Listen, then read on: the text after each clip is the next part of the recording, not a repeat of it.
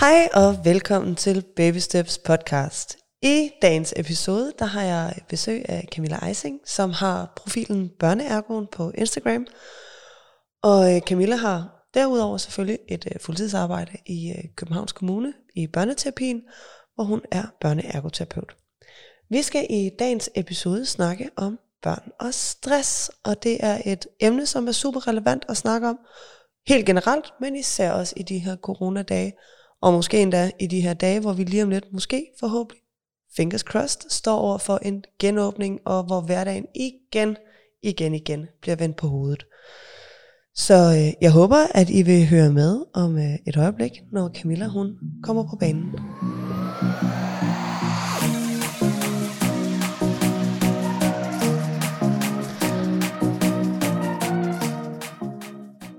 Hej Camilla. Hej Anne. Velkommen til. Tak. Velkommen tilbage, må vi hellere sige. Tak fordi jeg måtte komme tilbage. Det kan du tro. Det var så hyggeligt sidste gang. Til dem, som ikke lige er opmærksom på det, eller har opdaget det, så har Camilla jo været med før. Du var nemlig med i episoden, der hedder Sov sødt lille Dumbo, hvor vi snakker om børnesøvn. Og øh, det er altså en episode, som... Øh, det er også en episode, som jeg virkelig vil anbefale at hoppe tilbage og høre, fordi der kommer rigtig mange guldkorn fra Camilla omkring babyer og småbørns søvn, som øh, man kan tage med sig videre. Men øh, til dem, som så ikke har hørt den episode, vil du ikke starte med at give en præsentation af dig selv? Jo. Jeg har arbejdet som børneergoterapeut de sidste seks år, og jeg arbejder primært med børn fra normalområdet, men også med børn, som har en masse forskellige diagnoser eller sygdomme. Men i den ambulante børneterapi, hvor jeg er, der arbejder vi primært med dem, så har jeg en masse rigtig dygtige kollegaer, der er ude i specialinstitutionerne og specialskolerne. Mm. Ja, så du er inde på selve terapistedet, hvor folk kommer ud til, versus dem, som så er ansat ude i institutionerne, som for eksempel sidste episode, hvor jeg havde Ditte på besøg, som er i en børnehave. Det er rigtigt. Og jeg cykler også ud til for eksempel skolerne og børnehaverne, men inden for normalområdet, og snakker med de forskellige voksne derude, eller kigger på børnene kommer også en gang med dem hjem. Okay. Besøger børnene. Men yes, dem som er tilknyttet normalområdet, eller dem som ikke er tilknyttet en institution eller en skole. Okay. Mega spændende. Og som jeg sagde i introduktionen her, så skal vi altså snakke om børn og stress. Øhm, og det skal vi, fordi at det er super relevant i de her tider at få sat ekstra fokus på, hvad de her store skift egentlig gør ved vores børn. Og som du også øh, nævnte for mig her tidligere, at vi er rigtig opmærksom på, at voksne har tendens til at blive stresset, og at voksne skal passe på dem selv.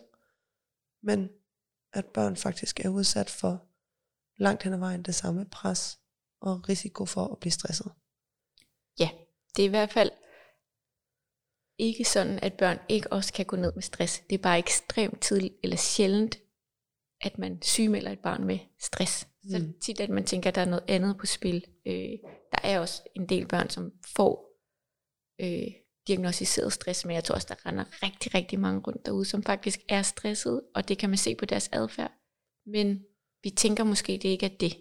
Mm. Øhm, og grundlæggende kan man sige, stress, det kommer til udtryk, det her, når der er ubalance mellem, hvad for nogle krav, der bliver stillet, og hvad for nogle ressourcer, man har. Mm. Så når der er for store krav i forhold til ens ressourcer, så er man i en stresset situation. Ja. Og det er vi alle sammen en gang imellem. Det er ikke altid, der er balance der, men der skal jo gerne være helt overordnet en balance mellem, hvornår har jeg ressourcer nok til at håndtere de krav, jeg er i, mm. og hvornår er det simpelthen alt for udfordrende for mig, eller hvornår er det alt for lidt udfordrende, øh, fordi det har påvirkning på ens trivsel. Ja.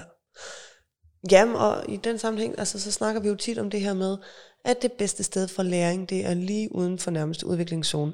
Men når vi er lige uden for nærmeste udviklingszone, så er vi jo også hele tiden der, hvor vi skal arbejde for at løse en opgave. Så det er jo vigtigt, at vi i løbet af dagen og ugerne, og ja, altså i løbet af dagen, får nogle opgaver, som også bare er automatiseret, hvor vi kan slå hjernen fra, eller som måske ligger og er lige i den lette ende, men sådan så kroppen ikke behøver at stresse for at løse alle opgaver, vi bliver stillet i løbet af en dag. Præcis, der skal være en god balance i det. Øhm, og det som der er meget, nu begge to, vi er jo også småbørnsforældre og småbørnsfamilier, øhm, der tror jeg, at rigtig mange børn oplever, at de hele tiden, øh, der er hele tiden mangel på tid. Den her tid, den er, øh, den er der ikke nok af. Øhm, så når de bliver vækket om morgenen, så skal de skynde sig ind, og de skal skynde sig at vågne og få øh, noget morgenmad. Du skal lige, kom, du skal lige have noget morgenmad ned, ellers Skynd dig du ud på toilettet. Skynd dig nu hen. Skal de netop, ja, skal de skynde sig lige ud på toilettet? Skal de skynde sig, så vi når at få børstet tænder på dem alle sammen? Så skal de skynde sig ud og få overtøjet på. Kom, kom, kom, vi er bagud videre. Kom så. Øh, så skal vi skynde os over i en vuggestue, en børnehave, en skole. Øhm, Og der vil jeg gerne lige sige, at der er jo kommet et ekstra tidsperspektiv på, i hvert fald i vores vuggestue, fordi vi, vi melder ind, hvornår vi kommer og afleverer. ja, så der skal I også leve op til et tidskrav. Ja, Øh, så det så er ikke skal- nok, at vi bare sådan kommer, sådan så jeg kan nå tilbage på arbejde inden klokken 9. Nej, nej, vi skal stå derovre klokken 8.30. Ja. Og så er, der, så er man i skolen eller institutionen, øh, og der er der også sindssygt mange ting, der skal nås måske, og der er måske ikke så mange voksne. Øh, det er der ikke, som der er derhjemme. Så der kan også være travle voksne. Så skal vi skynde os hjem fra institutionen, og måske skynde os at få noget eftermiddagsmad, for så skal vi skynde os til en fritidsaktivitet, og så skal vi skynde os at få lavet noget aftensmad, så vi kan skynde os at få de børn ordentlig tid i seng, så de kan få nok søvn, og så kan vi få en pause. Ja. Så det er det, den her, vi skal hele tiden skynde os, skynde os, skynde os. Og lige nu er det selvfølgelig ikke særlig mange, der har skulle skynde sig til en fritidsaktivitet. Og der er heller ikke altid, at vi andre har skulle nå at stå på jobbet på et specifikt tidspunkt. Mm. I hvert fald er transporttiden måske fjernet, fordi rigtig mange har skulle arbejde hjemmefra. Men det har også været enormt. Jeg tror, at mange har også oplevet det her med, selvom hvis de skulle arbejde hjemmefra, da øh, man også havde sine børn hjemme, så skulle man også hele tiden skynde sig, fordi man skulle skynde sig, at de kunne spise noget mad. Man skulle skynde sig hen, så man selv kunne deltage i det møde. Eller børnene skulle måske hjemmeundervises, så man er skolebørn. Så jeg tror, at vi kan have en tendens til, at børnene oplever, at, der, at de skal hele tiden videre til det næste. Der er ikke så meget tid. Mm-mm. Altså jeg ved fra mig selv, at jeg, har, øh, jeg kan godt have utrolig svært ved at være i nuet. Og er er også meget opmærksom på, at jeg, når jeg sidder, altså nu sidder vi her og snakker, men at, eller hvis jeg er ude og gå en tur med Floke, vi er på legepladsen, at jeg ikke hele tiden skal tænke på, hvad skal vi bagefter? Ja. Hvad er det næste, vi skal? Men bare være i aktiviteten, og hygge mig med, at Floke han hygger rundt på legepladsen, og bygger sandslotte, og uden at skulle fokusere på, når klokken den er også ved at være, og han plejer at skulle sove her, og vi skal også lige nå at have noget at spise. Det er weekend, det er lørdag. Ja, vi skal leve op til nogle rutiner, vi skal selvfølgelig sørge for, at der bliver fastholdt en, en dagligdag, som han kender, men vi skal også prøve ligesom, heller ikke i weekenderne, at skulle skynde os fra det næste til det næste til det næste. Ja, så, så en god tommelfingerregel er for, det er jo ikke alle børn overhovedet, der bliver stresset, men der er nogen, som, som ligesom ligger, man ved ikke hvorfor, men nogen er mere disponeret til end andre. Og der kan man sige, at en god tommelfingerregel er i hvert fald, at stressede voksne, de gør de børn stressede. Ja. Og stressede voksne skaber også generelt stressede børn i, i en stor effekt. Og det er jo også det her miskmask mellem, jeg tror rigtig mange småbørnsforældre, at vi oplever, at der er ikke den der gode balance mellem krav og ressourcer. At nogle gange så synes vi simpelthen, at der bliver stillet for mange krav i forhold til, hvad for nogle ressourcer vi lige oplever, at vi har at give af. Mm. Så ja, stressede voksne fører til, vi, vores nervesystem må smitte hinanden så ekstremt meget. Det er også, vi snakkede sidst om det her samregulering, som betyder helt overordnet, at vi smitter hinanden med hinandens følelser. Ja, og, og hvis man ikke har børn, det tænker jeg, de fleste, der hører podcasten her, har, men man, vi samregulerer jo med alle i et rum. Altså hvis du har en kollega, der sidder og skumler over i hjørnet, så påvirker det dig og din arbejdsindsats. Du, altså, du mærker den der skumlen, også selvom du sidder med ryggen til. Ja. Din partner, dine børn, er hele tiden er vi jo opmærksom på, hvordan vores omgivelser har det. De fleste mennesker i hvert fald. Og vi er jo kæmpe flokdyr, så det giver sindssygt god mening, at vores nervesystemer smitter hinanden. Vi skal mm. finde ud af, at der er en, der synes, der er noget fare på færre, så skal jeg jo også være i alarmberedskab, hvis jeg skal overleve. Ja. Øh, det er også sådan, at det her med, hvis vi har det sjovt sammen og griner sammen, det er også samregulering. Og sidst snakkede vi om det her med, når man skændes, det er også samregulering. Øh, og der er sindssygt meget behov for rigtig god og hensigtsmæssig samregulering de første leveår. Det er der i hele livet, men især mm. de første leveår. Fordi hvis du har fået rigtig meget god hensigtsmæssig samregulering, så lærer du selvregulering på en hensigtsmæssig måde. Og samregulering er det her med, at du kan sammen med en anden flytte dig fra en følelsestilstand til en anden. Mm. Og selvregulering er, at du selv på en hensigtsmæssig måde kan flytte dig fra en følelsestilstand til en anden. Og hvor gammel er man cirka, når man begynder at kunne selvregulere? Det, jeg tænker, det er et aldersspænd. Ja, altså fra men... omkring 4-5 år. Altså sådan et børnehavebarn skal tit kunne have nogle af de her selvreguleringsstrategier. Så det her med, hvis nogen tager et stykke legetøj, så slår du dem måske ikke. Så kalder du måske på den voksne, fordi du har lært, at det, det kan hjælpe. Øh, men det kan også være, at du slår dit knæ, og så børster du bare lige på det og går videre. Du kan mærke, at det ikke er så alvorligt, frem for at du ligger dernede og græder, indtil du kan ikke huske, hvorfor du græder. Det er ikke hensigtsmæssig selvregulering. Øh, og det kan være enormt svært at selvregulere, når man er overstimuleret eller stresset. Mm. Og det tror jeg også, vi andre kender. Vi snakkede om sidst, det her med, hvis man ikke har fået sin søvn, hvis man er sulten, hvis der er sket for mange ting, så bliver vi hurtigt overstimuleret.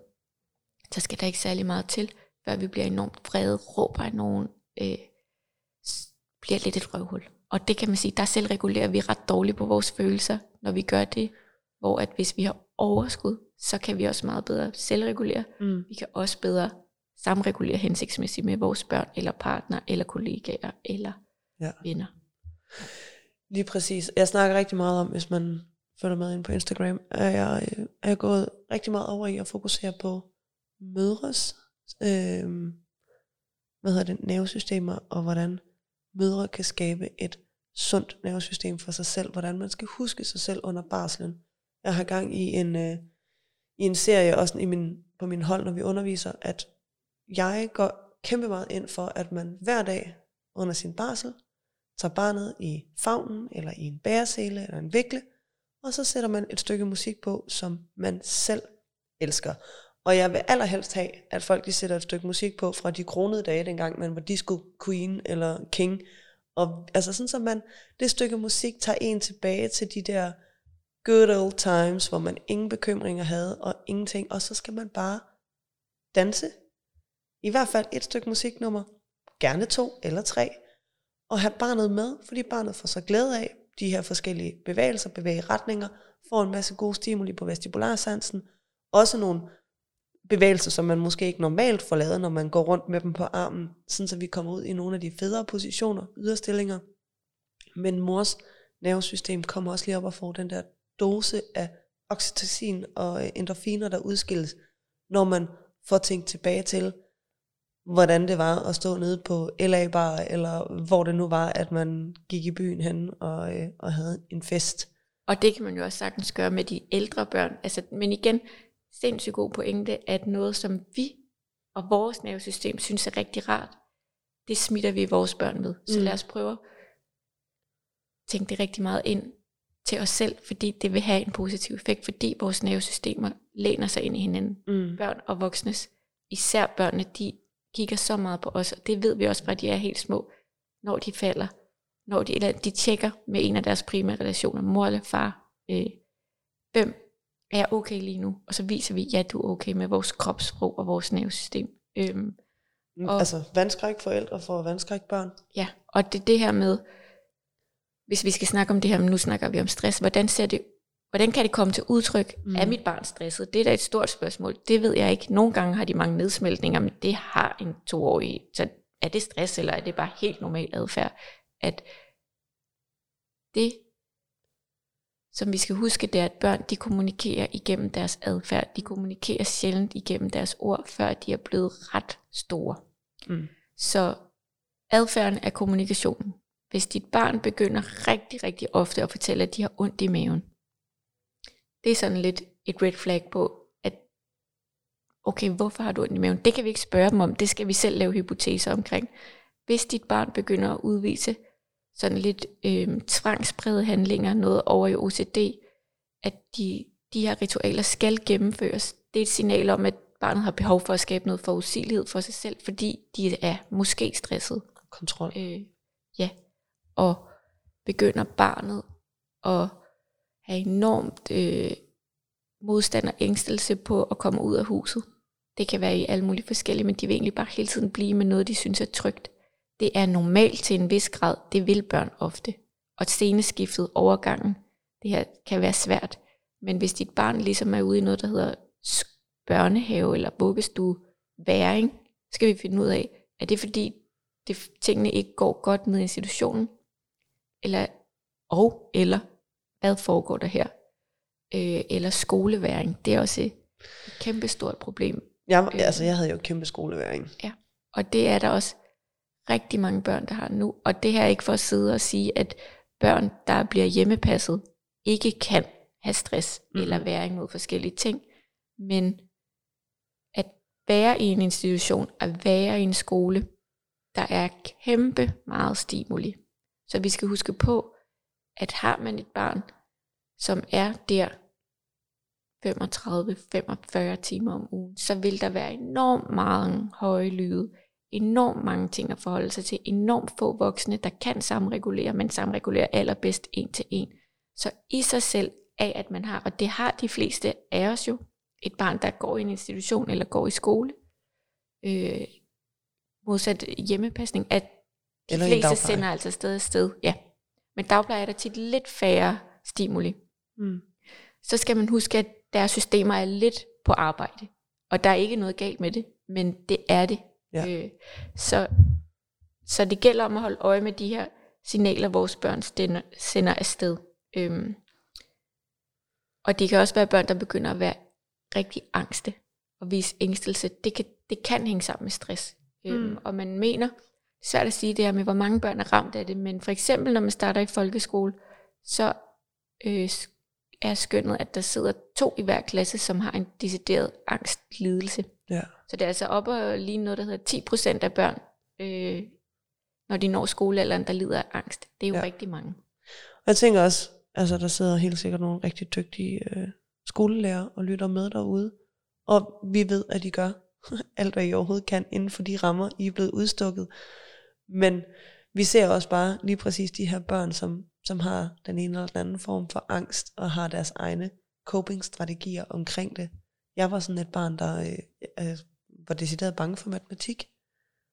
Så hver gang vi havde matematik, så gik jeg ud og satte mig ud i garderoben og læste Harry Potter. Eller fik ondt i maven. Jamen, jeg, Eller... jeg havde ondt i maven hele dagen. Men, men lige præcis matematiktimerne, altså der var jeg slet ikke til stede i klasselokalet, fordi det, det, tænk, hvis jeg blev spurgt. Ja, og det er jo også det her med, med børn, der har et presset nervesystem. Nogle gange kommer til udtryk i øjeblikket, nogle gange kommer det først til udtryk i en forsinket reaktion. Det her med, når man måske kommer hjem, når man ser en primær relation, man stoler rigtig meget på, når man skal falde i søvn om aftenen, ved at vågne rigtig mange gange om natten. Så det er tit også forældre, der ligesom skal have følingen på, hvor, hvor meget trives du, hvor er dit system okay, mm. og det kan vi ikke nødvendigvis se i situationen. Så sidste gang snakkede vi også om det her med, hvis man er i tvivl, er mit barn egentlig, mistrives mit barn, er mit barn i okay trivsel, så lav det her, og hvorfor? Hvad, hvordan kan vi stille nogle hypoteser op? Så er det her med at føre en logbog en god idé. Og det er, når man er i tvivl. Så, ja. Eller hvis man ved, mit barn er i mistrivsel, så skal der laves en logbog på måske to-tre uger, hvor man noterer, hvad er der sket i dag, hvilke reaktioner har der været, og så prøver man at få det her. Når det er lavet, så sidder man og kigger på det, og prøver at finde på nogle hypoteser, og så kan man måske se, at der er en sammenhæng mellem, at hver mandag øh, er der rigtig mange nedsmeltninger. Det er sindssygt svært. Okay, er det så fordi, nu er der det her skift fra, at det lige har været weekend, nu skal du tilbage til dine hverdagsrutiner. Mm. Eller kommer den rigtig, rigtig dårlige søvn, den rigtig store sammenbrud, når man bliver afleveret om torsdagen, fordi nu kan har du faktisk været der mandag, tirsdag, onsdag, og nu er det simpelthen så overloadet, nu kan du ikke mere. Mm. Så vi skal finde ud af, hvor ligger vi de her forebyggende pauser.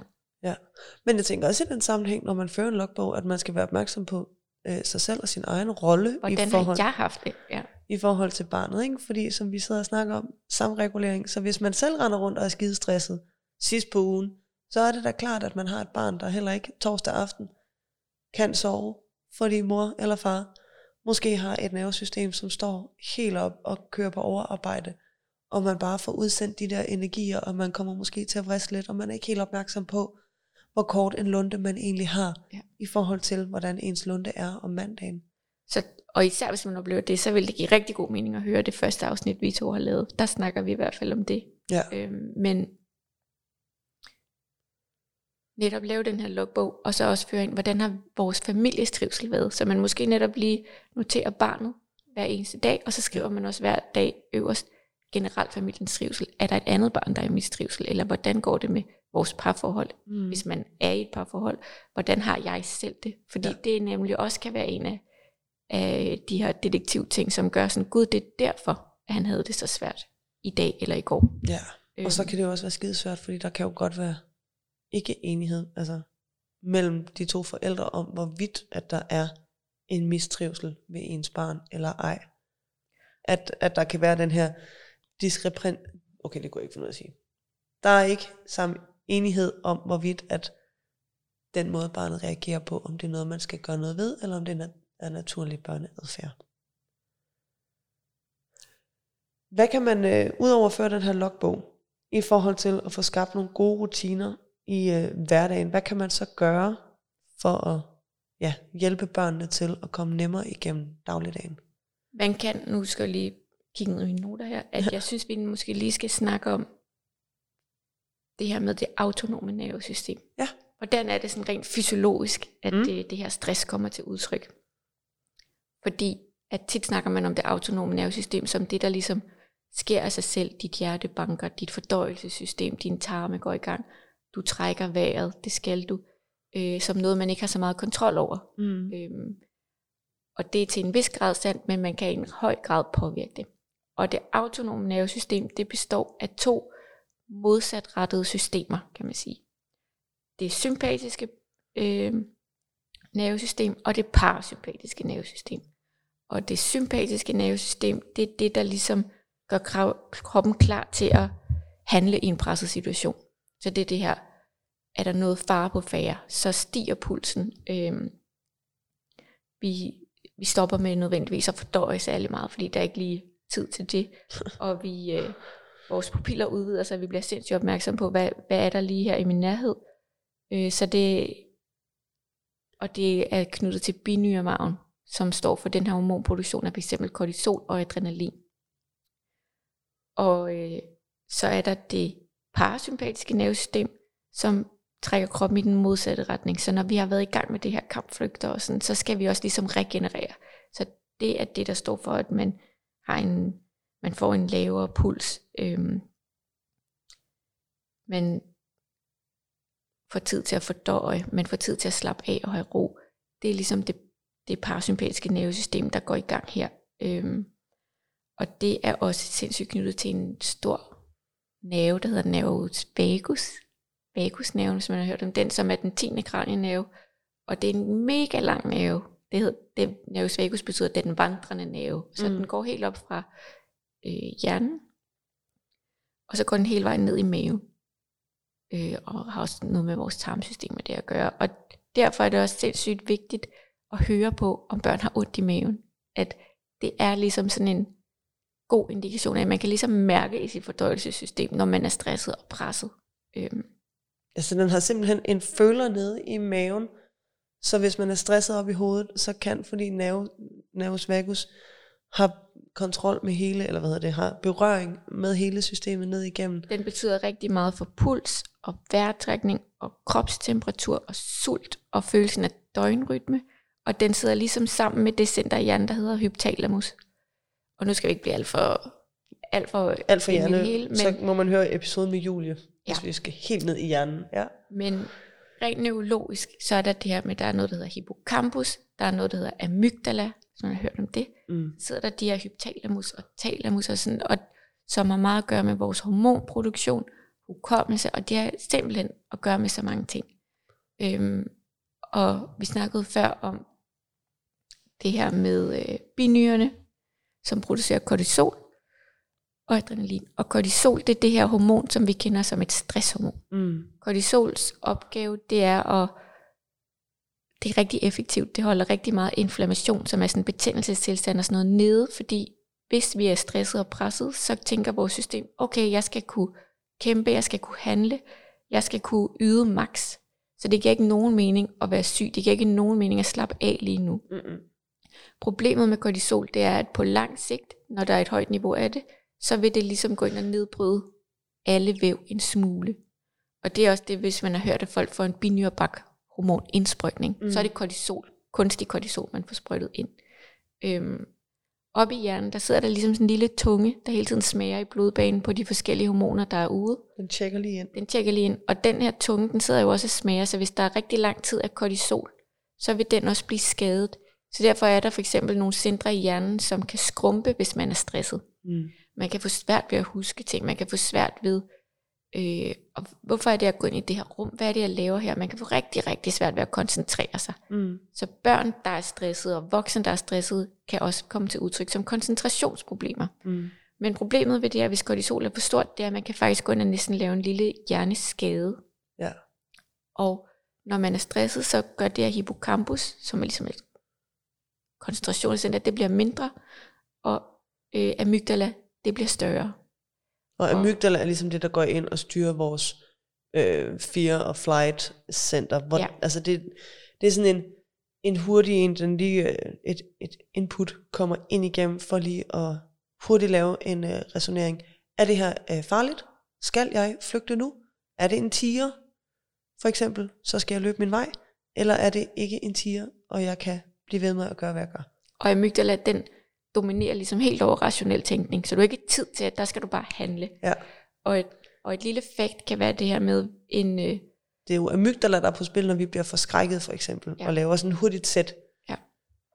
og det er også der, øh, hvis amygdala er rigtig stor, så bliver du simpelthen mere ængstelig, du bliver mere af alarmberedskab hele tiden, du tjekker, er der far på færre, Mm. Øhm, og man ved også, at mødre, der har været enormt stresset eller ængstlige under graviditeten, de kan føde børn, der har en amygdala, der er op til 30% større end hos babyer, hvor mor ikke har været stresset. Mm. Og det er ikke at blame mor, for man kan ikke selv bestemme, om man er ængstelig eller stresset, bange for at miste sit barn, bange for, om noget er galt.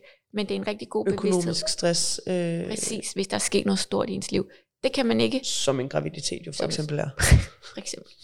Så der kan det bare være rigtig rart også at vide, har jeg selv været enormt stresset og ængstelig under graviditeten, så skal jeg være endnu mere ops på at få fodret det her parasympatiske nervesystem hos min baby.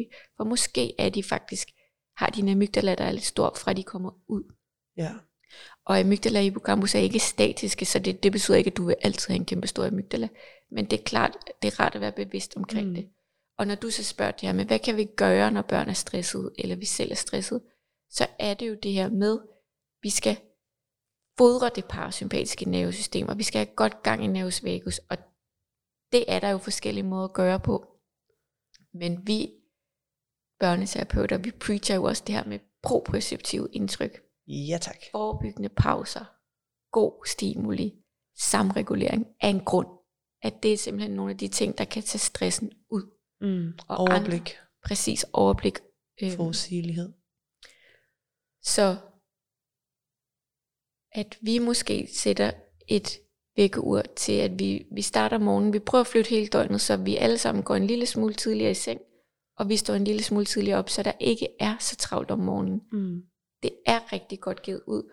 Og derfor, man skal ikke, man kan ikke undvære sin søvn, det ved vi. Det er så fristende at tage de 20 minutter ekstra på vækkeuret, men det er ikke det værd, hvis det gør, at resten af dagen skal jappes igennem. Så det kan være en af de her ting, der er værd at være opmærksom på. Mm. Så er det sindssygt meget at være opmærksom på, at være en forstående voksen.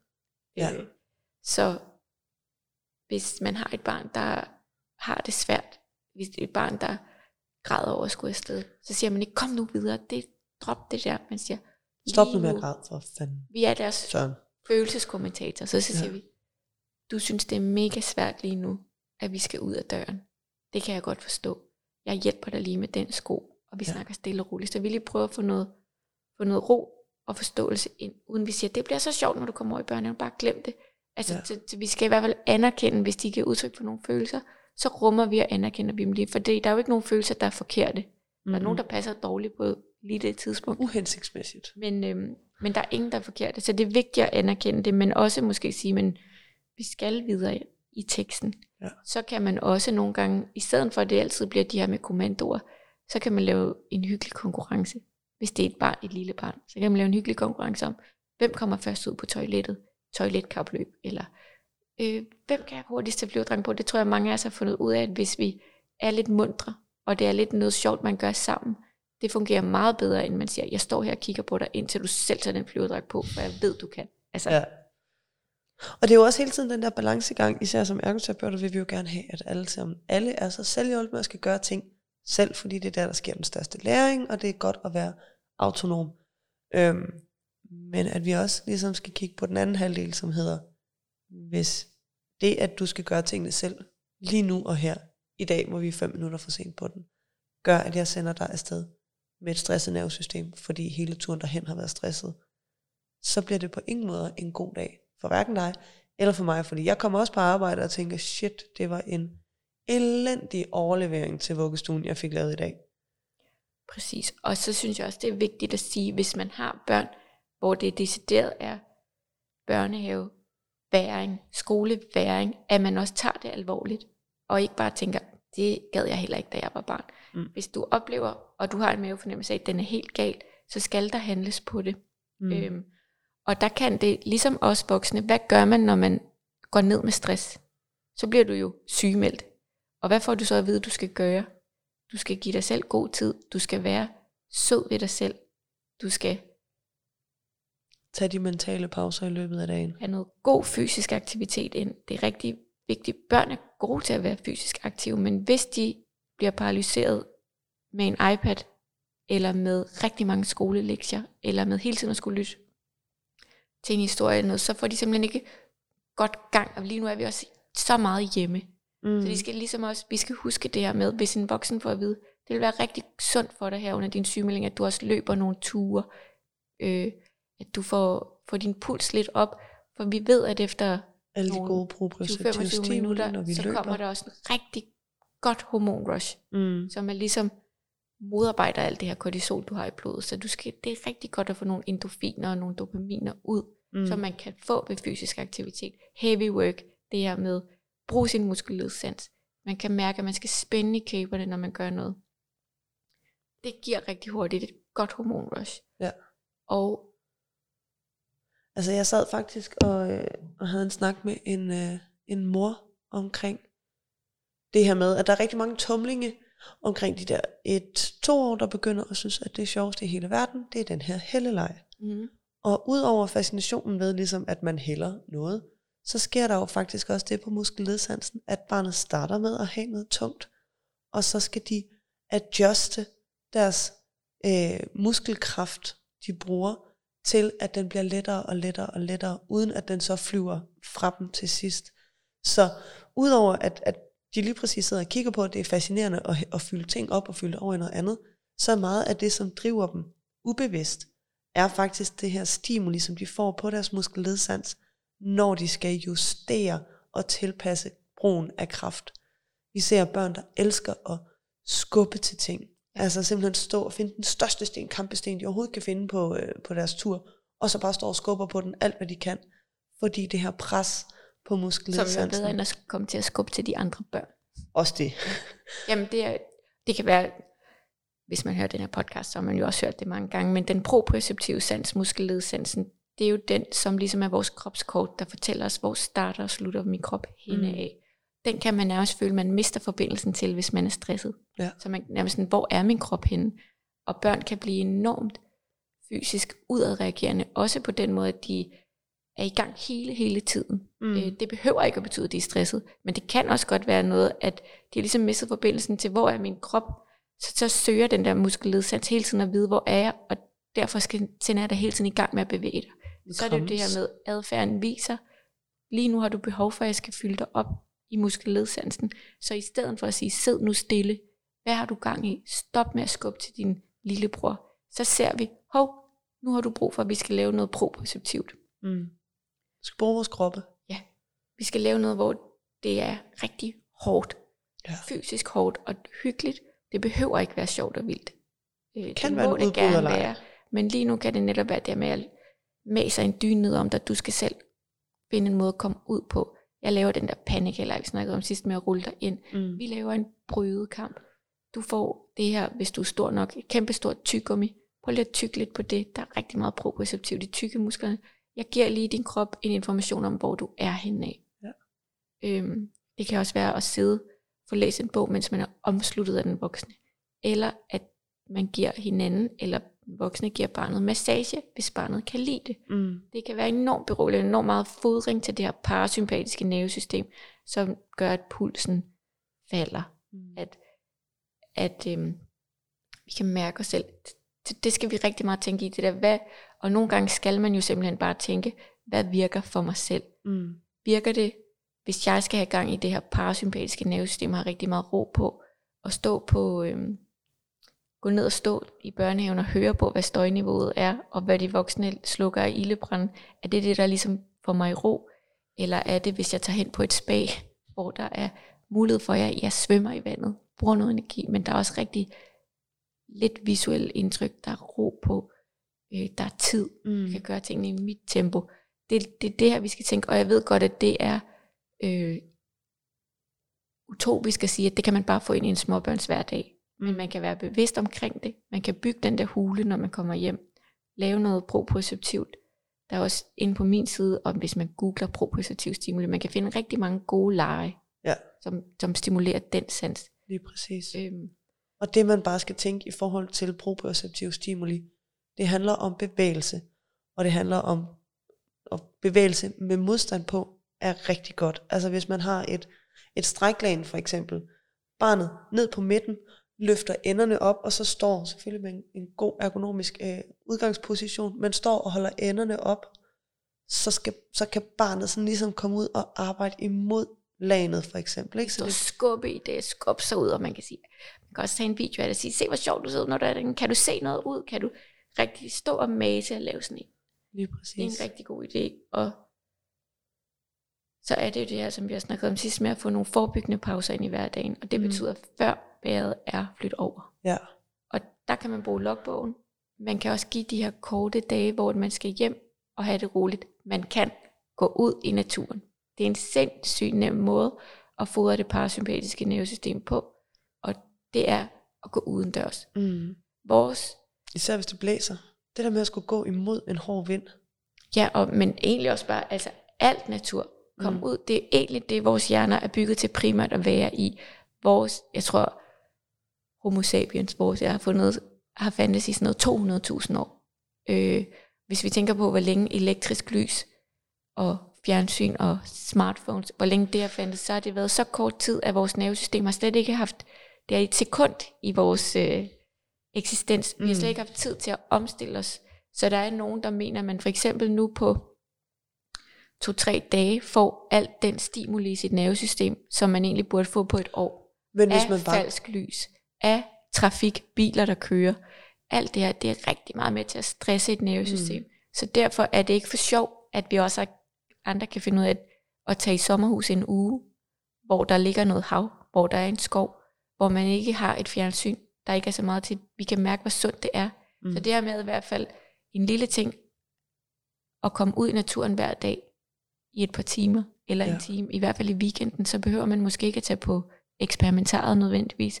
Måske man bare skal tage ud i skoven, Mm. fordi det er sundere for nervesystemet. Det er ikke nødvendigvis sundere, hvis det er det, der er rigtig sjovt at tage på eksperimentaret. Men hvis man har et, en familie, der er stresset, så er det bedre at tage ud i skoven, eller tage på stranden året rundt, og gå i sandet og få den her modstand på, gå op ad nogle bakker, løfte en træstue, bygge sin egen balancebane. Mm. Mm.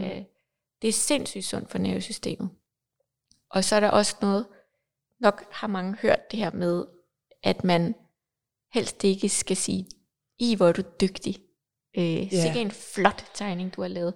Og det tænker jeg også, vi lige skal snakke om, hvorfor, hvorfor det er. For det er jo ikke forbudt. Og man skal ikke sidde og tænke, ej, hvor, shit, nu kommer jeg til at sige, at din tegning var pæn. Ja. Det, det må vi gerne sige. Men det er vigtigt at være procesorienteret i sin ros også. Og det skal man være for at undgå den præstationskultur, som at man ved er blevet rigtig høj blandt børn og unge. Øhm, og det er det her med på gymnasierne og i de sene skoleklasser, der er der rigtig mange stressede børn og unge mennesker, mm. som fokuserer enormt meget på karakteren, frem for om det var sjovt at være til undervisning, om det er et spændende fag, om jeg vil udfordre mig selv. Øhm, Vores dygtighed bliver ligesom målt og varet. på resultatet. Ja. Og der gælder det om, Det ville være sygt fedt, hvis man faktisk fik årskarakterer for, hvor god en øh, kammerat man var, eller hvor god man var til at lave et samarbejde om en opgave, og ja, ikke kun at man produktet. fik øh, samarbejdskarakter, Ja. men, eller at det bare overhovedet ikke var en karakter, men at det måske var, feedback du om har ikke klaret det rigtig fint, Ja. og det her kan du blive endnu bedre til, Mm. mm. eller det her kan du øve dig på, der er du ikke helt endnu, Ja. hvor du skal være, for det er det, der er potentiale i. Men det, som det vil sige at give procesorienteret ros, det er netop det her med at sige, at dit barn er i gang med at bygge duploklodserne.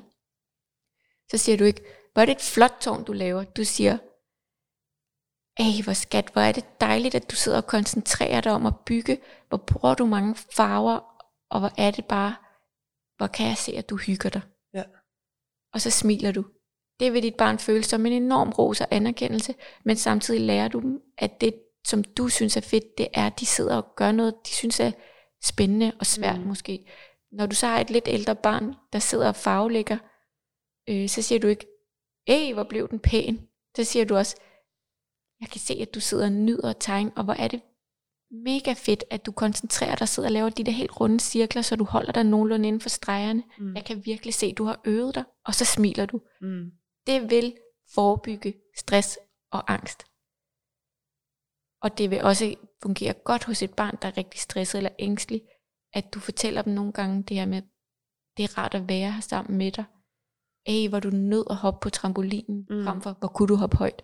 Fordi vi skal have fokus på processen. Det vil også gøre, at der er nogle børn og unge, som tør gå ud og fejle. Og de tør at opleve et nederlag, for det er der også potentiel læring i. Mm. Men hvis du bare får at vide, at du har fået et 12-tal, øh, eller du har fået et 10-tal, så er det eneste, en 13-årig pige måske tænker, "Men hvordan får jeg så 12? mm.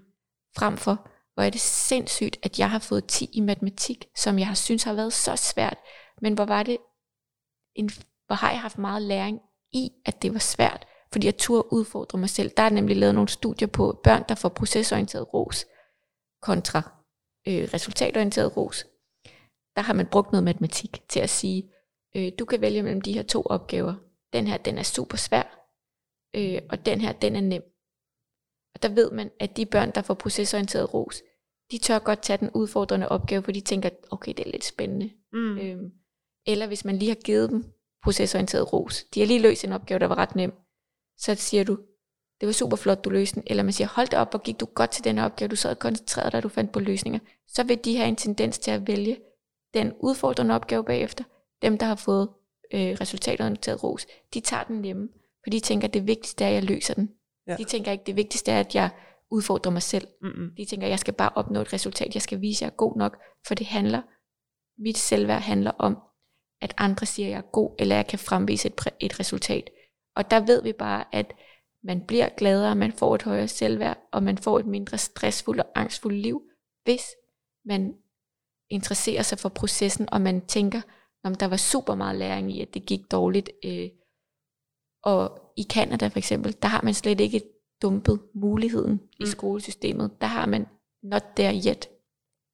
Og det er der jo potentiale i. Du er der ikke endnu. Mm-mm. Du er ikke dumpet. Nej. Det er sådan, du er for dårlig. Du, not there yet, det betyder, at vi skal arbejde noget mere. Ja. Så det betyder heller ikke, at du aldrig må være kritisk over for dine børn, og du skal aldrig, altså, det betyder ikke at sige, det var en grim tegning, du har lavet, eller det er en smuk tegning. Det er mere bare at sige det her, der kan du også sige, hvis det er en tegning på to streger, og siger, værsgo mor, den er til dig, er den ikke flot? Så siger du, Du har tegnet to streger. jeg synes, den, det, Mangler noget. det kunne være mega fedt, hvis du brugte nogle flere farver, eller Ja. det er vist gået rigtig hurtigt, det her skat, fordi der vil barnet bare give dig en tegning. De er slet ikke interesseret i at lave en god tegning. Så det er også det her med at sige, jeg vil rigtig gerne have, at du bruger endnu mere tid på den, eller bruger flere farver, eller laver noget andet. Mm. Lige nu var det måske ikke det, der galt. At ja, hvis det giver mening, så er det i hvert fald noget, som vi forældre kan fodre nervesystemet på en god måde, og vi ved, at det virker fremadrettet mm. for at forebygge angst. Ja. Og der synes jeg faktisk, det er rigtig spændende at kigge på babyer. Ja.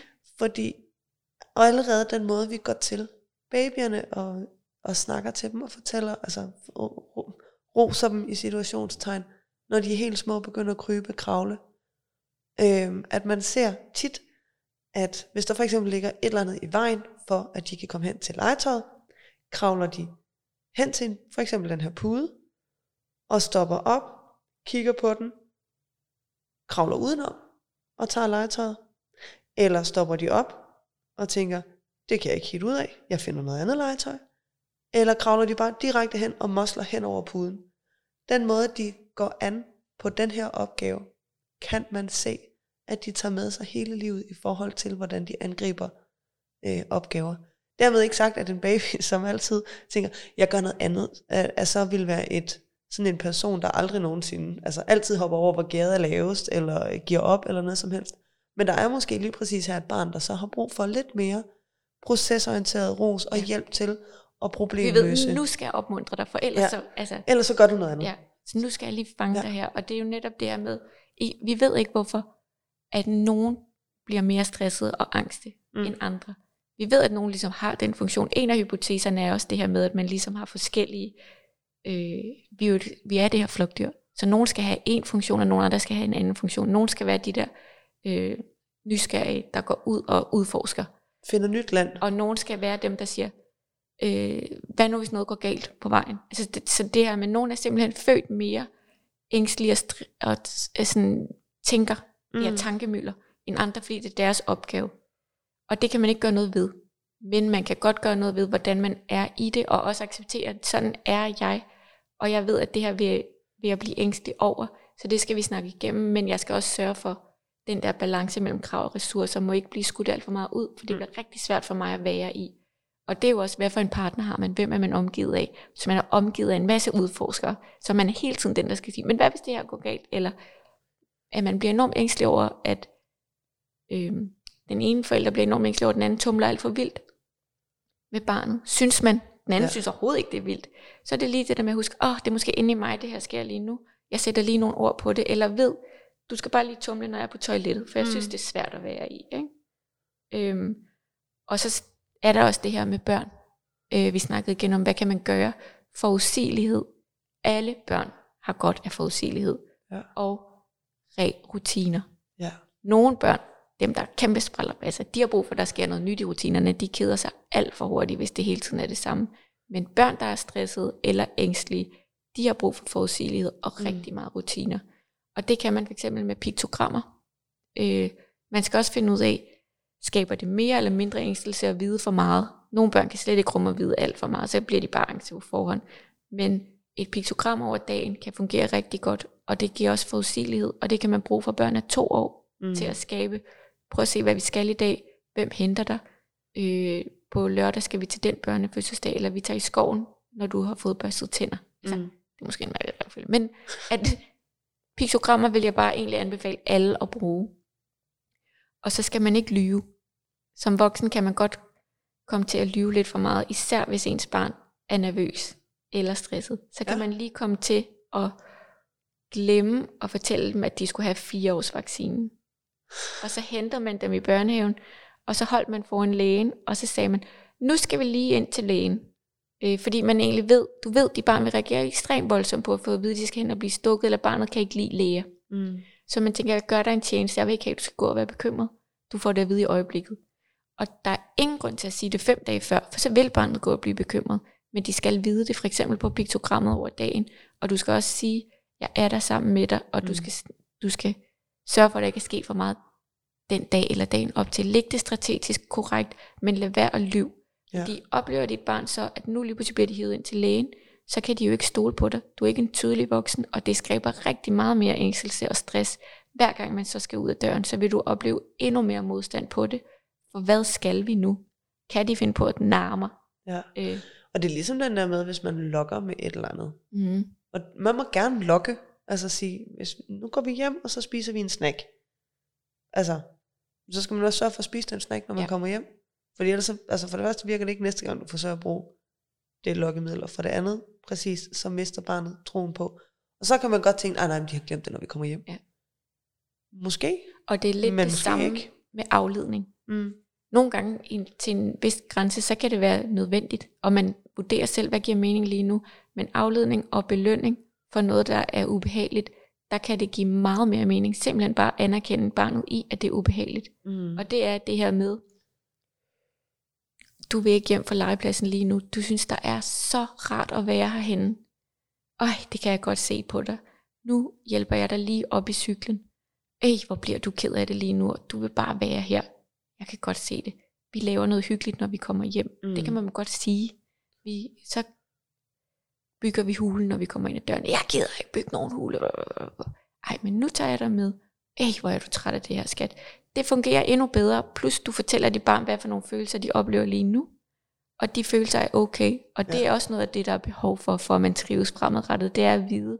Vi er måske vokset ret meget op, og det er vores forældres generation i hvert fald også med, at nogle følelser ikke var velkommen. Mm. Så Især hvis man var dreng. Du skal ikke tude lige nu. Ja, du, pak det der væk. Åh, bliver du nu ked af det igen? Og, og timeouts er rigtig dumme. Dem skal vi simpelthen have sluppet af med. At man ja. siger, så må du gå derover til du er god igen.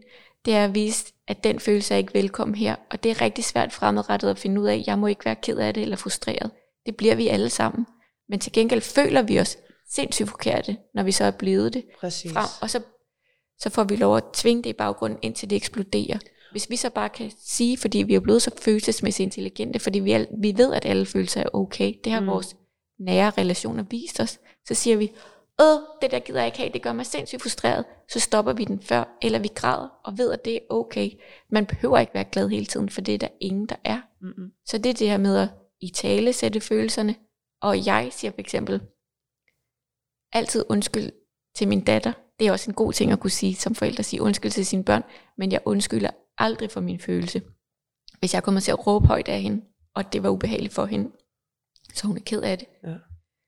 så siger jeg, når jeg lige selv har reguleret mig selv til et niveau, hvor jeg kan, så siger jeg, skat, du må virkelig undskylde, jeg råbte af dig før. Du blev helt forskrækket, og det gjorde dig så ked af det at se mig råbe.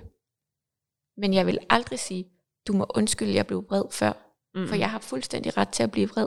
Mine følelser er også okay. Ja. Så, så det der med, at vi ikke får sagt, undskyld, jeg blev vred, eller undskyld, jeg, blev, undskyld, jeg var så sur i morges. Det må du jo godt være, men du kan medføre nogle handlinger, der ikke var okay. Så undskyld for handlingerne, men undskyld ikke for følelserne. Ja, præcis. Ligesom skal ud for handlinger, ikke skal ud for følelser. Ja. Det er, øh, og det synes jeg egentlig, at det bringer os rigtig fint videre til øh, det her, øh, jeg ved ikke, om vi kan kalde det et 90'er koncept, omkring at være morsyg eller farsyg at det er en, og den, fordi vi selv har hørt det som børn, jeg har i hvert fald hørt det rigtig tit, øh, ikke at jeg blev kaldt nødvendigvis morsyg eller farsyg, men det lå ligesom som sådan et begreb, at hvis man havde lidt for meget brug for som barn, lige at være og have de der ekstra krammer og den der ekstra nærhed, at så var man farsyg, og det var et problem. Herhjemme, der dyrker vi rigtig meget, at hvis Floke han har behov for det til aftensmaden, og sidde på skøddagene også, så er det ikke fordi, at han øh, har dårlige manerer, eller er uartig, eller øh, er besværlig og ikke vil gøre, hvad vi siger, så er det fordi, han har et ekstra behov for den her kropskontakt til at få ro på sit system. Igen, børns adfærd er den måde, de kommunikerer på. De kan ikke sige, mor, jeg har haft en lang dag i vuggestuen, mm. der var meget larm, jeg er rigtig træt, og jeg vil gerne sidde hos dig. De kan græde, når du ikke vil, de ikke må sidde der, eller de bliver klynkende, og de vil op til dig. Så er det netop ikke sådan en, han styrer jo rundt med os. Mm. Han, han bestemmer jo det hele. Han kan jo ikke sidde hos dig hele tiden. Han er to år, han må sidde på sin plads. Ja. At det er i hvert fald rigtig vigtigt, at vi så ved, okay, hvad betyder den her? Hvad er det, du prøver at kommunikere til mig lige nu? Kan jeg imødekomme det? Vil jeg imødekomme det? Hvis ikke jeg ved det, fordi jeg kan ikke rumme det, så kan det være, at min partner kan sidde med dig lige nu. Hvis jeg virkelig meget har brug for, at du skal sidde på din plads, så siger jeg, jeg kan godt se, at du egentlig har brug for at sidde hos mig lige nu, men til maden skal vi sidde på vores stol. Mm. I mindste imødekom de følelser. Og netop tænk ikke som en sygdom. Ja. En morsyg, voksensyg. Tænk, hvad er det, dit nervesystem har brug for, at jeg fodrer ja. det lige nu? Jo jo, og vi kan også godt have brug for den der ekstra øh, nærhed fra vores partner for eksempel, øhm, uden nødvendigvis at vide, at det er det, vi søger. Altså, nogle gange så kan man måske også gå og lede efter snoller i, øh, i skabene eller et eller andet, fordi man tænker, man kan mærke, at man har brug for et eller andet. Ja. Og det, man i virkeligheden har brug for, det er en kæmpe lang krammer. Ja. Det er måske noget pro-positivt indtryk. Jeg kan ikke mærke mig selv lige nu. Ja. Eller jeg har brug for, at der skal ske noget. Man er sulten efter noget andet, ja. end nødvendigvis lige slik, for eksempel. Så jeg synes, at øh, vi hermed pensionerer morsyg og farsyg fra vores, øh, konceptbegreber. Og måske tænker netop, det har været en lang dag, eller du har brug for noget propositivt omslutning fra mig. Mm. Du har brug for, at jeg sidder og krammer dig lidt. Så kan du mærke, hvor din krop starter ja. og slutter henne af.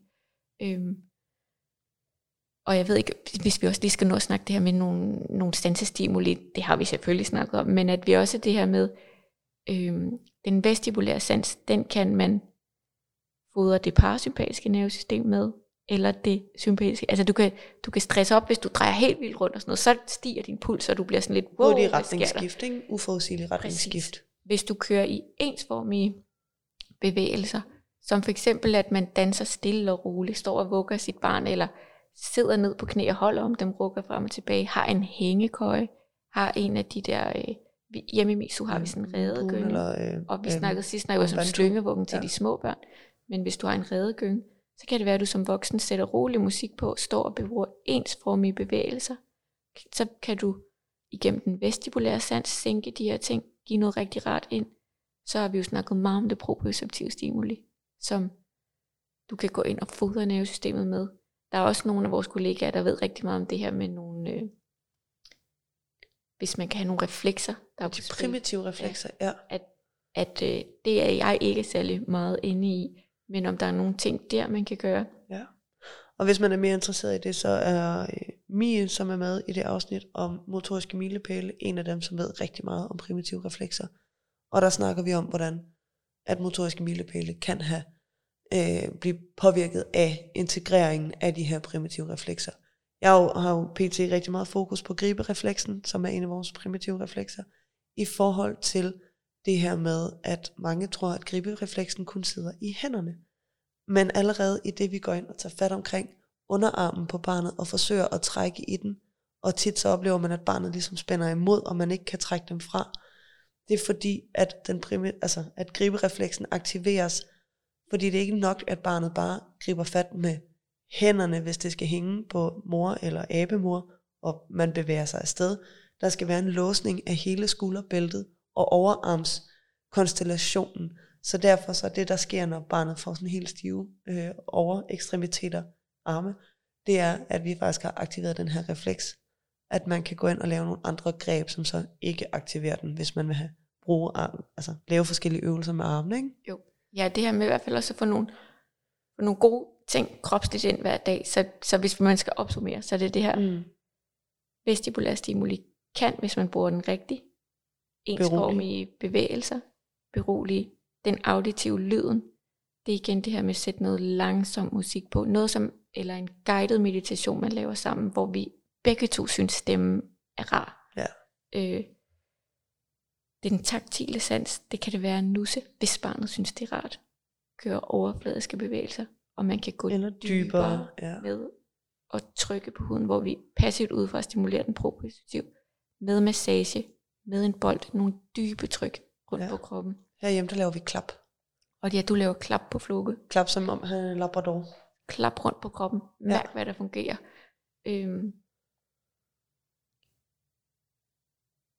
Og bygge en hule, skærme den visuelle sans med noget andet end en iPad. Det kan, jeg tror rigtig mange forældre, der også har børn, som er rigtig presset, de får rigtig meget iPad-tid, fordi der går de ligesom i sin egen verden. Men der er i hvert fald også behov for, at man husker at putte de andre sanser ind, og man skal give den der visuelle sans en mm. pause også. Og det man måske skal være opmærksom på, når man laver en timeout, altså ikke en timeout, hvor man sætter dem i skammekrogen, men en timeout, hvor de får en iPad, den der får mest ro er ikke barnet. Den ja, der får mest ro i nervesystemet. Ja, det er og det er jo det, vi snakkede om også før, at vi voksne skal også være ops på, at vores stressede, måske semi-stressede nervesystemer skal også kunne rumme barnet. Præcis. Så det er okay at sige, jeg er max presset, nu får du en times iPad, fordi jeg giver mit system en pause. Men det er rigtig vigtigt, at vi husker, at det er altså ikke at give. Det er rigtigt, at noget af det kropslige får lidt, men, men børn kan tåle at være sindssygt fysisk i gang. I høj grad. Igen, så vi derfor, er lavet til ja, at bevæge os. Ja, og især, altså, især børn skal altså, altså være fysisk i gang. Men ser det babyerne, er, der ligger og hamrer deres fødder ned i madrassen. Det er fordi, de søger sansestimuline. Så vi sidder ikke og siger, at det er forbudt. Vi sidder bare og siger, vi skal bare lige huske, at det måske er os voksnes nervesystem, parasympatiske nervesystem, ja. vi giver en chance der, og det er okay, men det er ikke børnenes. De andre ting skal vi så putte ind for mm. barnets skyld. Ja. Og ligesom vi snakkede om før, et dejligt bad Nogle børn kan kun rumme et karbad, men der kan man rigtig meget mærke, hvor ens krop starter og slutter. Nogle kan også rumme den kraftige stimuli, strålerne giver et brusebad, hvor er min krop henne, og gør det til et rart sted at være, Mm. og gør det til en rolig ting. Lige Øhm, præcis. Og så findes der det, der hedder Foreningen øh, for Børn. Nu skal jeg simpelthen, jeg har skrevet den ned, fordi at den er god, hvis man sidder derude og synes, man er med op. Det, det, er, det er sindssygt svært nogle gange, hvor, hvor kan man finde hjælp, og det er rigtig forskelligt fra kommune til kommune. Mm. Men der er den forening, der hedder Foreningen for Børn med Angst, Ja. øh, som man kan tjekke ud. Og så øh, i forhold til de stressede børn, der har vi også en kollega, kan man sige. Hun Ja. er fysioterapeut, hun er børnefysioterapeut, og hun har bare sindssygt godt styr på børn med angst også. Hun hedder Pernille Fys. Ja. Og Vi linker til øh, hende hun har også lavet en rigtig fin bog, der hedder Du skal huske at fodre din søhest, som er skrevet til børnene, men også til de voksne, som har nogle konkrete øvelser, og som øh, forklarer på en fin måde det her med, hvad er hippocampus? Det er det, hun kalder for en søhest. Det Fordi betyder den også søhest. Ja. Det er fordi, den er formet som Og så er der myggen, som er amygdala. Så det her med også lige at få det ned på et børnesprogsniveau. Hvordan kan stress se ud inde i din hjerne, og hvad kan din krop, hvad kan vi gøre for at hjælpe dig godt på vej med det? Ja. Og så har du øh, nogle, øh, du lavet en, øh, et, ja, du stillede spørgsmål ud i dit netværk i går, om der var nogen, der havde noget, at de rigtig gerne ville have, vi tog med. Og jeg tænker, vi læser spørgsmålene op nu her, og så lige går dem igennem. Ja, vi er kommet fint omkring en del af dem. Men jeg tænker, vi tager, Men øhm, tager dem stadigvæk, og så opsummerer vi lige. en, der spørger om øh, det her med, øh, når man bliver store søskende. Hvordan skal man dele den opmærksomhed, og er det stresset på den, der bliver store søskende? Mm. Det er det jo rigtig tit. Store livsomvæltninger, skilsmisser, store søskende, corona, institutionsstart, overgang fra skole, fra børnehave til skole. Det er Dødsfald enormt stressende. Så det er det her med at være bevidst omkring, fordi hvordan skal man dele opmærksomheden mellem søskende? Det er mega svært at svare på, at det kommer an på, hvad der fungerer hjemme hos en. Hvis man har en partner, så kan man jo nogle gange udnytte, at en baby tit sover ret meget i starten, og tage nogle breaks med den store, også ud af huset. Amme dem af, eller hvis det er flaske, og så gå ud og også gøre noget stille og roligt uden dørs med den store, når vi ved, at uden dørs er det, der fungerer for nervesystemet rigtig godt, hvis den store formentlig er lidt stresset i den periode. Ja. Øh, så er der også en, der spørger det her med, øh, kan min søn være særlig sensitiv, fordi jeg er stresset lige nu? Og der snakker vi jo igen samregulering, koregulering, og at vi hele tiden smitter hinanden. Ja. Så ja, Og det kan sagtens være, at I begge to er født med den ligesom personlighed, at man tænker mange tanker og har en tendens til at kunne blive stresset eller angst. Øhm, så derfor, ja, måske han vil være det ligegyldigt hvad, men hvis du er det lige nu, så vil det helt sikkert gå ind og påvirke hans nervesystem. Og det kan også være, at han ikke nødvendigvis er mere stresset og, eller mere sensitiv, end han plejer at være. Men fordi du er mere sensitiv, så reagerer du mere på hans adfærd, som måske egentlig er hans normale adfærd. Ja. Men i og med, at du er mere stresset, så stresser det dig endnu mere, når han stresser. Og det er en rigtig god pointe. Det kan jeg huske, vi også snakkede om i sidste episode, men at vi nogle gange er opmærksomme og anerkender som de voksne. Lige nu, er det som mig, der er stresset og max presset, eller er det dig, der er stresset og max presset? Øhm, og Altså jeg vil sige, herhjemme der er det oftest øh, en af os forældre, der er stresset og max presset, og Flukke, der bare øh, holder fest ved at løbe rundt om spisebordet, fordi han synes, det er herre sjovt, når vi gerne vil ud af døren. Og prøve at undgå at sige skynd dig. ja, det er rigtig svært. Øh, og man laver konkurrencen, og de siger, jeg gider ikke at flyve dig på, glem din konkurrence. Det er jo også det, at Ja. man prøver så meget. Ja, jeg vil Øh. ikke i vuggestue, og når han så kommer over, så går han lige ind ad døren, uden at vinke farvel til moren. Okay. Så du vil faktisk gerne i vuggestue.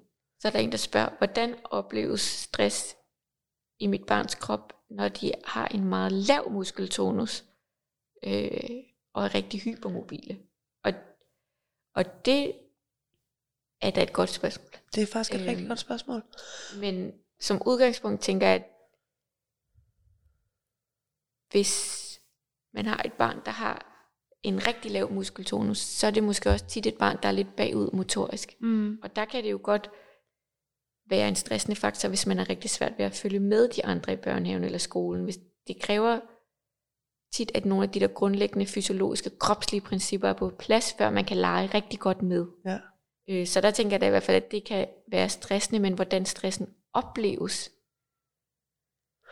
Men et nervesystem kan jo stadigvæk godt, altså der kan jo godt føles en høj arousal, uden at det nødvendigvis, altså øh, man kan jo godt have et nervesystem, der står heroppe og ligesom vibrerer, uden at barnet nødvendigvis ligesom viser det fysiologisk. Vi ser tit børn, når de bliver excited og arousal øges, at de kommer op på tæer og sådan ligesom får en springende gang. Men man kan jo godt have den der sådan lidt stresset, at Øh, åndedrættet er en lille smule overfladisk, og at hjerterytmen er lidt hurtig, uden at man nødvendigvis har den, den kropslige reaktion derudover på det, tænker jeg.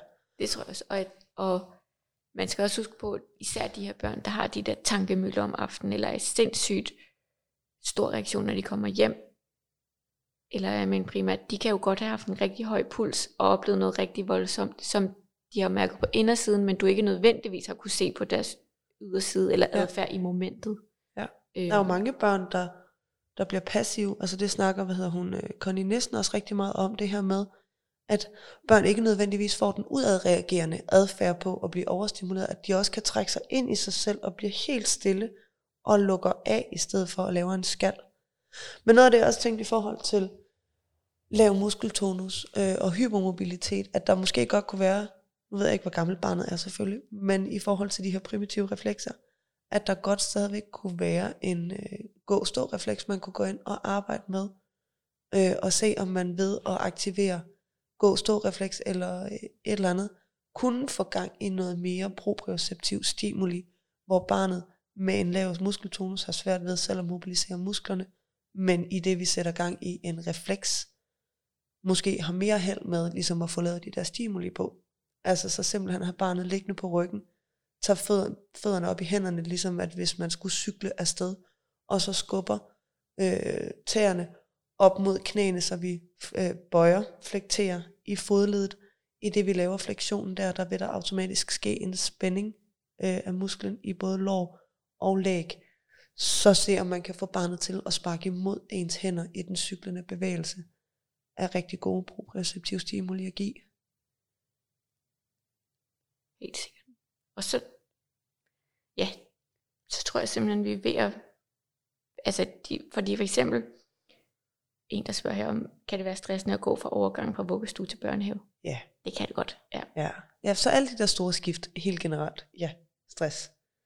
Og så her tips til at anerkende øh, følelserne, og hvordan skal man kommunikere ved ting, der skal ske, for eksempel blæskift, tøjskift osv. Ja. Igen, noget der for eksempel er rigtig godt at have med tøjskift, det er, at barnet skal være med, også fra mm. start af. Vi kan godt have en tendens til et barn på 28 måneder, der sidder og leger, kom gående bagfra, lige smække en body ned over hovedet på dem. Hvordan vil vi selv have det? Vil vi ikke reagere med modstand der? Og være sådan, hvad, hvad har du gang i? Øhm, så generelt, vi kommer forfra, hvis vi hjælper barnet med at få tøjet på. Vaskeklude. Ja, vi kan lave, hvis det er et lidt større barn, så kan man lave en balancebane, hvor der ligger et stykke tøj forskellige steder. Og så kan man sige, så er det en konkurrence om at få tøjet på. Nogle gange det her med at fjerne kravet og gøre det lidt sjovere, det kan altså fungere rigtig godt. Mm. Det kan også være en gemmeleg, så man både træner barnets koncentration, men man har gemt sokkerne. Så siger man, jeg har gemt dem i stedet på badeværelset. Så skal de ud og finde, hvor sokkerne ligger. Når du har fundet dem, skal du tage dem på. Så giver jeg næste ledetråd til, hvor du kan finde din trøje.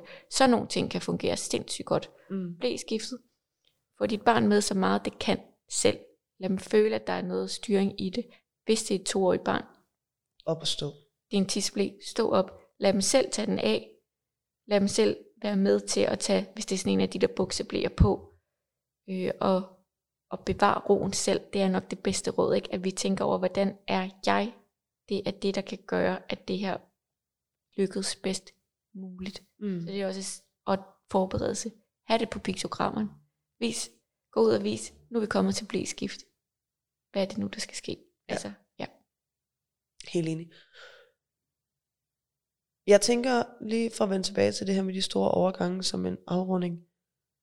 Helt konkret, tænk på store skift, vuggestue til børnehave, børnehave til skole, ny klasse, nye elever, ny et eller andet, at det svarer til, at du selv starter på et nyt arbejde. Ja. Hvad for et stress er man selv i, den første måned på en ny arbejdsplads med nye kollegaer, omgivelser og krav. Så skru ned for alt andet. Ja, Lad være at have for mange fritidsaktiviteter. Gå kun til en fritidsaktivitet, hvis den giver mere energi, end den tager. mm. Drop aftaler, legeaftaler i den periode. Drop weekendaftaler, hvis det er, at du kan se, at dit barn er presset. ja. Lige præcis. Og det var øh, alt, hvad jeg havde med.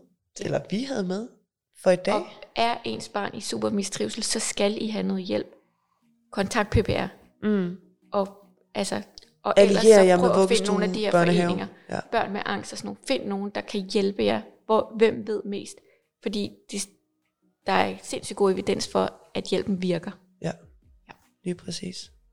Og igen, det kan også være nok bare at alliere sig med fagpersonalet i vuggestue, Men bed om noget hjælp. børnehave eller skole. Tak for det.